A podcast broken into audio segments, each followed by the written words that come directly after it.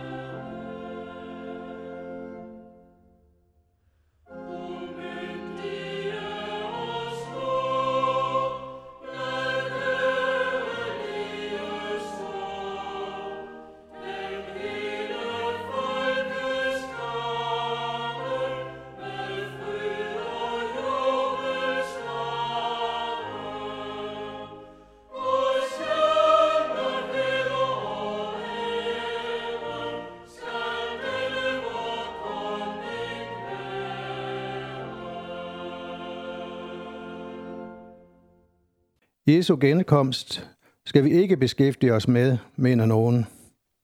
Dermed afskærer de sig fra noget, som er massivt til stede i det meste af Bibelen. I mit arbejde med bogen Han gør alting nyt, som handler om de sidste tider og Jesu genkomst, blev det meget klart for mig, at hvis vi skærer Jesu genkomst ud af vores forventning til fremtiden, så bliver troen handicappet, og vi bliver blinde for rigtig mange af Guds herlige løfter til os. Lad os tage en hurtig skøjtetur gennem Bibelen for at se efter. Det begyndte allerede ved syndefaldet, hvor Gud siger til slangen, at kvindens sæd skal knuse slangens hoved. Dette skete, da Jesus døde på korset, men den endelige udslettelse af slangen sker først ved Jesu genkomst. Få kapitler senere læser vi om Noah og hans samtid. I dagene før syndfloden åd og drak de, giftede sig og bortgiftede lige til den dag, da Noah gik ind i arken, og de vidste ikke noget, før syndfloden kom over dem og rev dem alle bort. Sådan skal også menneskesøndens komme være, siger Jesus. Beretningen om Noah er en forudsigelse af den sidste tid og Jesu genkomst. Det samme er hebræernes udfrielse fra Ægypten og indvandringen i det forjættede land. David får løfter om en efterkommer, hvis kongedømme vil blive grundfæstet til evig tid. Den efterkomme er Jesus. Løftet henviser både til hans fødsel i Davids by Bethlehem og helt frem til den nye jord efter genkomsten. Esajas profeterede rigtig meget om begivenheder, hvis endegyldige opfyldelse først sker ved Jesu genkomst. Det kulminerer hen mod slutningen af Isaias bog, hvor vi blandt andet kan læse, Nu skaber jeg en ny himmel og en ny jord. I skal fryde jer og juble til evig tid over det, jeg skaber. For jeg skaber Jerusalem om til jubel, dens folk om til fryd. Der høres ikke mere gråd eller skrig. Og jeg læser altså fra det gamle testamente. Profeten Ezekiel giver Israels folk et løfte fra Gud. Min bolig skal være hos dem, og jeg vil være deres Gud, og de skal være mit folk. Det samme budskab lyder til Johannes i forbindelse med den nye himmel og den nye jord. Den endegyldige opfyldelse har vi altså endnu til gode. Profeten Joel forudsagde Helligåndens udgydelse på Pinsedag. Umiddelbart efter kommer han med en profeti, der minder meget om det, Jesus profeterede om tegnene i de sidste tider. Jeg sætter tegn på himlen og på jorden, blod og ild og røgsøjler. Solen forvandles til mørke og månen til blod, før Herrens store og frygtelige dag kommer. Og enhver, som påkalder Herrens navn, skal frelses. Det var Joels ord. Både Amos, Mika og Zakarias giver mest mening, hvis vi læser dem som profetier, der også handler om endetiden og genkomsten. Især hos Zakarias er det tydeligt. Hør bare. Du skal juble og glæde dig, Sions datter, for nu kommer jeg og tager bolig hos dig, siger Herren. På den dag skal mange folkeslag slutte sig til Herren og være mit folk, og jeg tager bolig hos dig. Det lyder som Johannes åbenbaring, men det var Zakarias. I de tre første evangelier er der hele kapitler, som ikke handler om andet end de sidste tider, dommen og Jesu genkomst, og flere af Jesu lignelser handler om det. Johannes skriver ikke lige så direkte, men det er der. For eksempel i kapitel 6, hvor Jesus siger, For min fars vilje er, at enhver, som ser sønnen og tror på ham, skal have evigt liv, og jeg skal oprejse ham på den yderste dag.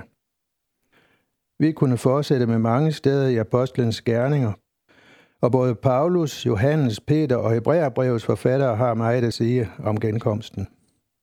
Og Bibelens sidste bog handler ikke om andet. Gud har altså ikke ønsket, at vi skulle være uvidende. Så lad os lytte til ham. Også når han taler om det, der skaber vores håb for fremtiden. En gang om måneden skriver jeg et aktuelt indlæg på min blog om det. Du er meget velkommen til at besøge hjemmesiden genkomst.dk.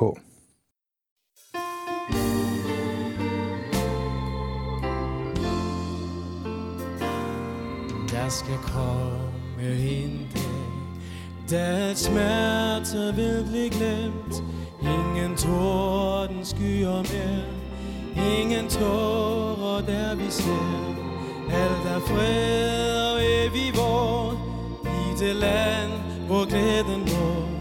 Hvilken det skal blive Hvilken dag det skal blive Når min Jesus jeg skal se.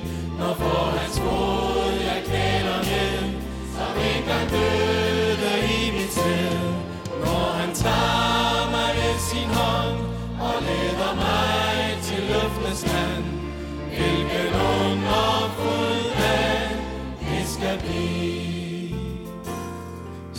der sorg og besvær. Ingen byrder bæres mere Ingen sygdom og nød. Ingen skille skal ved død. Og for evigt skal vi bo Hos ham, som bygget frelsens bro. Hvilken underfuld dag det skal blive. Hvilken dag det skal blive. Når min Jesus jeg skal se Når for hans fod jeg kæler ned Som engang døde i mit sjæl. Når han tager mig ved sin hånd Og leder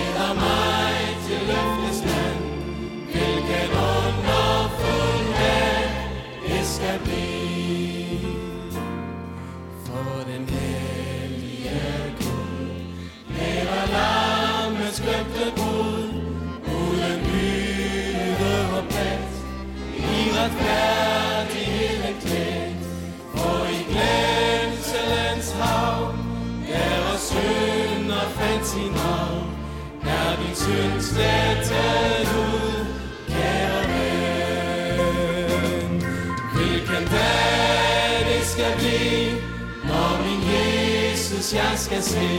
Når for hans fod jeg kender ned Som engang døde i min synd Når han tager mig ved sin hånd Og leder mig til løftets land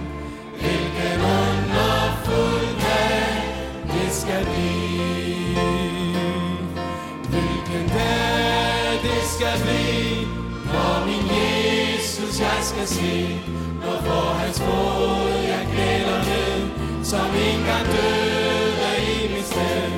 Når han tager mig ved sin hånd Og leder mig til løftets land Hvilken under